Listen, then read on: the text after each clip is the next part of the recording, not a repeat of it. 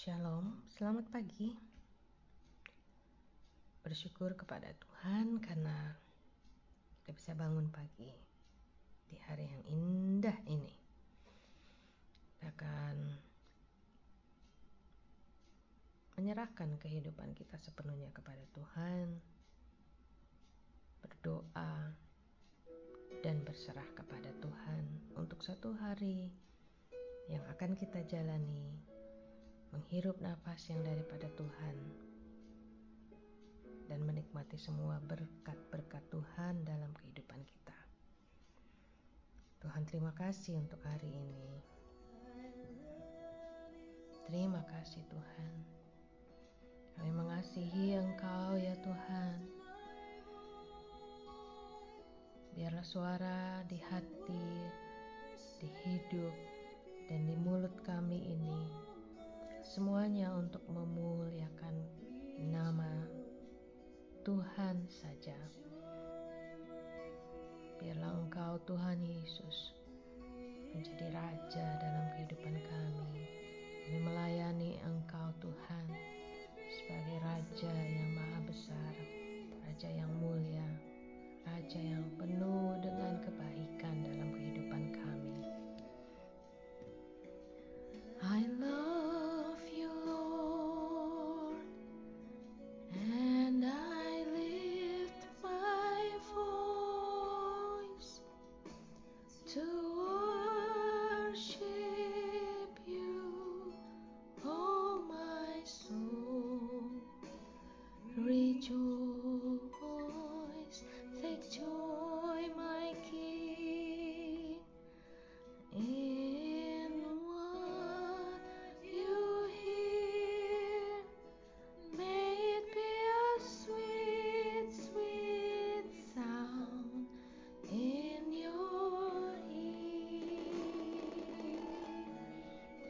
kasih Tuhan.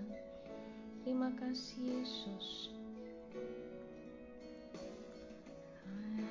Kami mengasihi Engkau Tuhan. Biarlah hati kami penuh dengan kasih kepada Tuhan saja. Terpujilah namamu. I love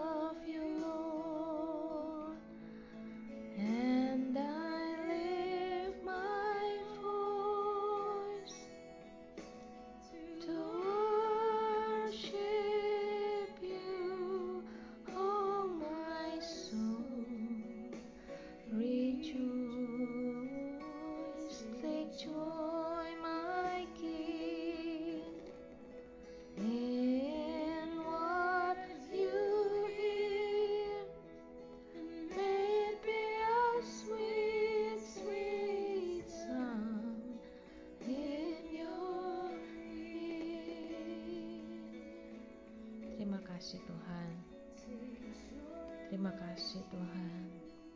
Terima kasih. Berfirmanlah bagi kami. Kami ingin berjalan bersama dengan firman Tuhan sepanjang hari ini. Kami tak dapat berjalan tanpa terang dalam kehidupan kami. Terang itu adalah firman-Mu. Satu patah kata saja daripada Tuhan sangat berarti dalam kehidupan menentukan jalan kehidupan kami selama satu hari ini. Terima kasih Tuhan.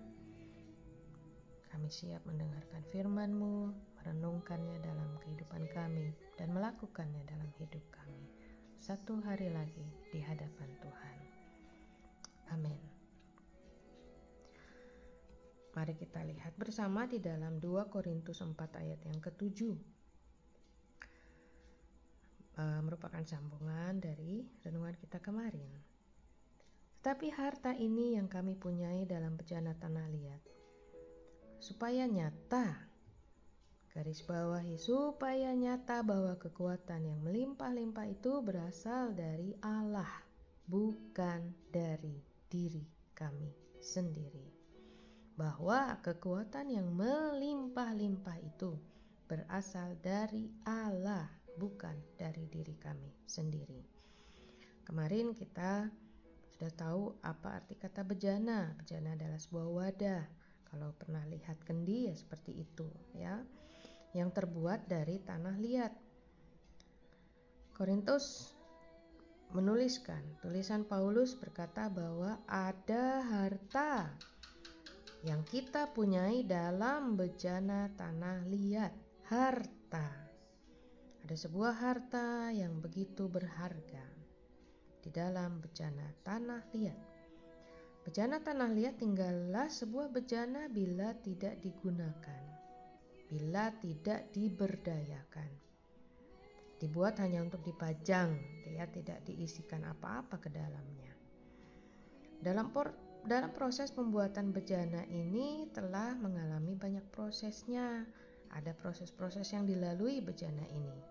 Kalau bejana ini bisa mengutarakannya, dia akan merasakan ada banyak rasa lelah, ada banyak rasa ketertekanan, ada banyak rasa putus asa untuk aduh janganlah kiranya uh, pembentukan ini berlangsung.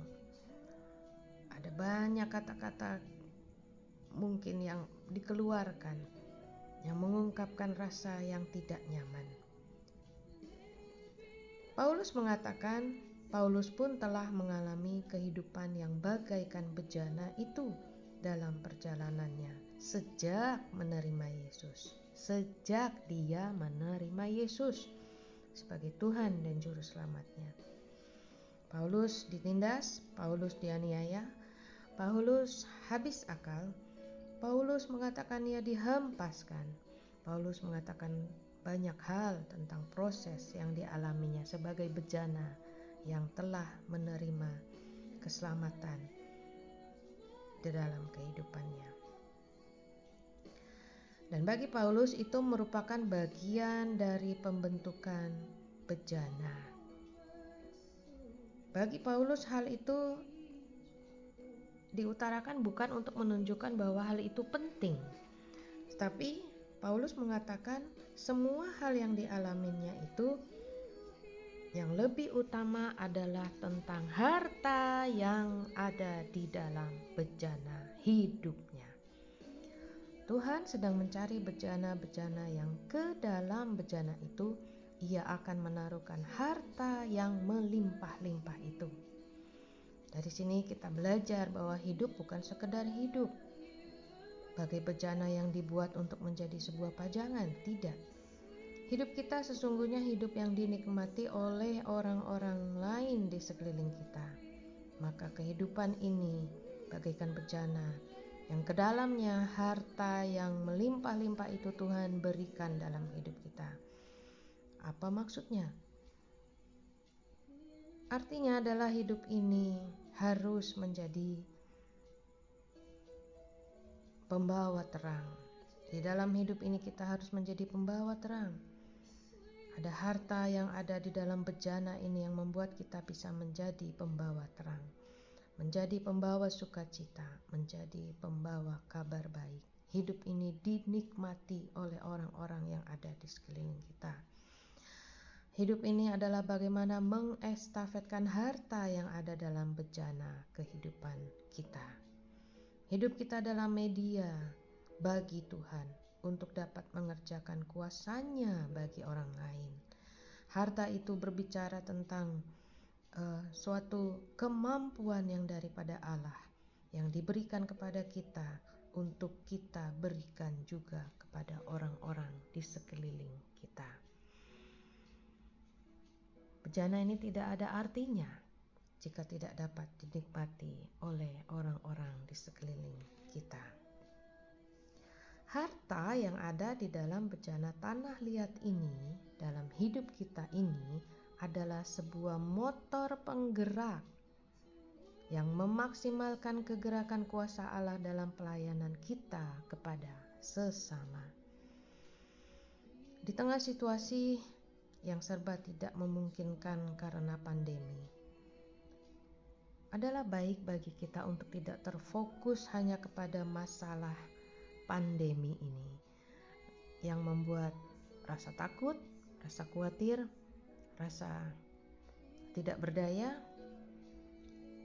merasa kekurangan, merasa uh, segala sesuatu tidak menghasilkan sesuai dengan apa yang kita harapkan. Tetapi baiklah kita tetap fokus untuk hidup di dalam iman. Hidup sebagai bejana yang di dalam bejana itu ada harta yang ditaruhkan Tuhan dalam hidup ini. Harta yang bukan uang, bukan emas, bukan perak, bukan permata, melainkan kuasa Roh Kudus Allah yang tinggal di dalam kehidupan kita. Itu adalah harta terbesar bagi kita orang-orang percaya khususnya.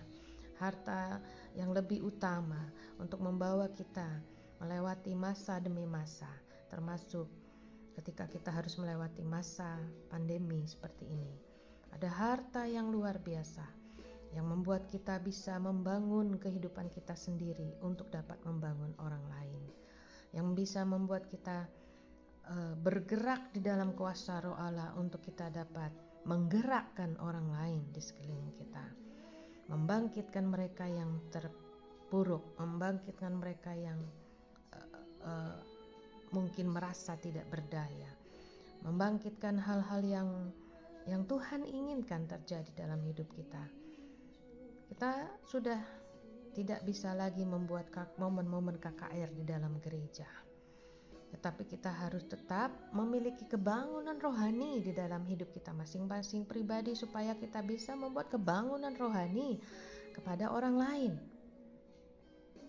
Dari mana kebangunan rohani itu? Tentu saja kuasa Roh Kudus yang ada dalam kehidupan kita membuat kita bisa terbangun setiap hari rohani kita terbakar setiap hari di dalam kuasa roh kudusnya.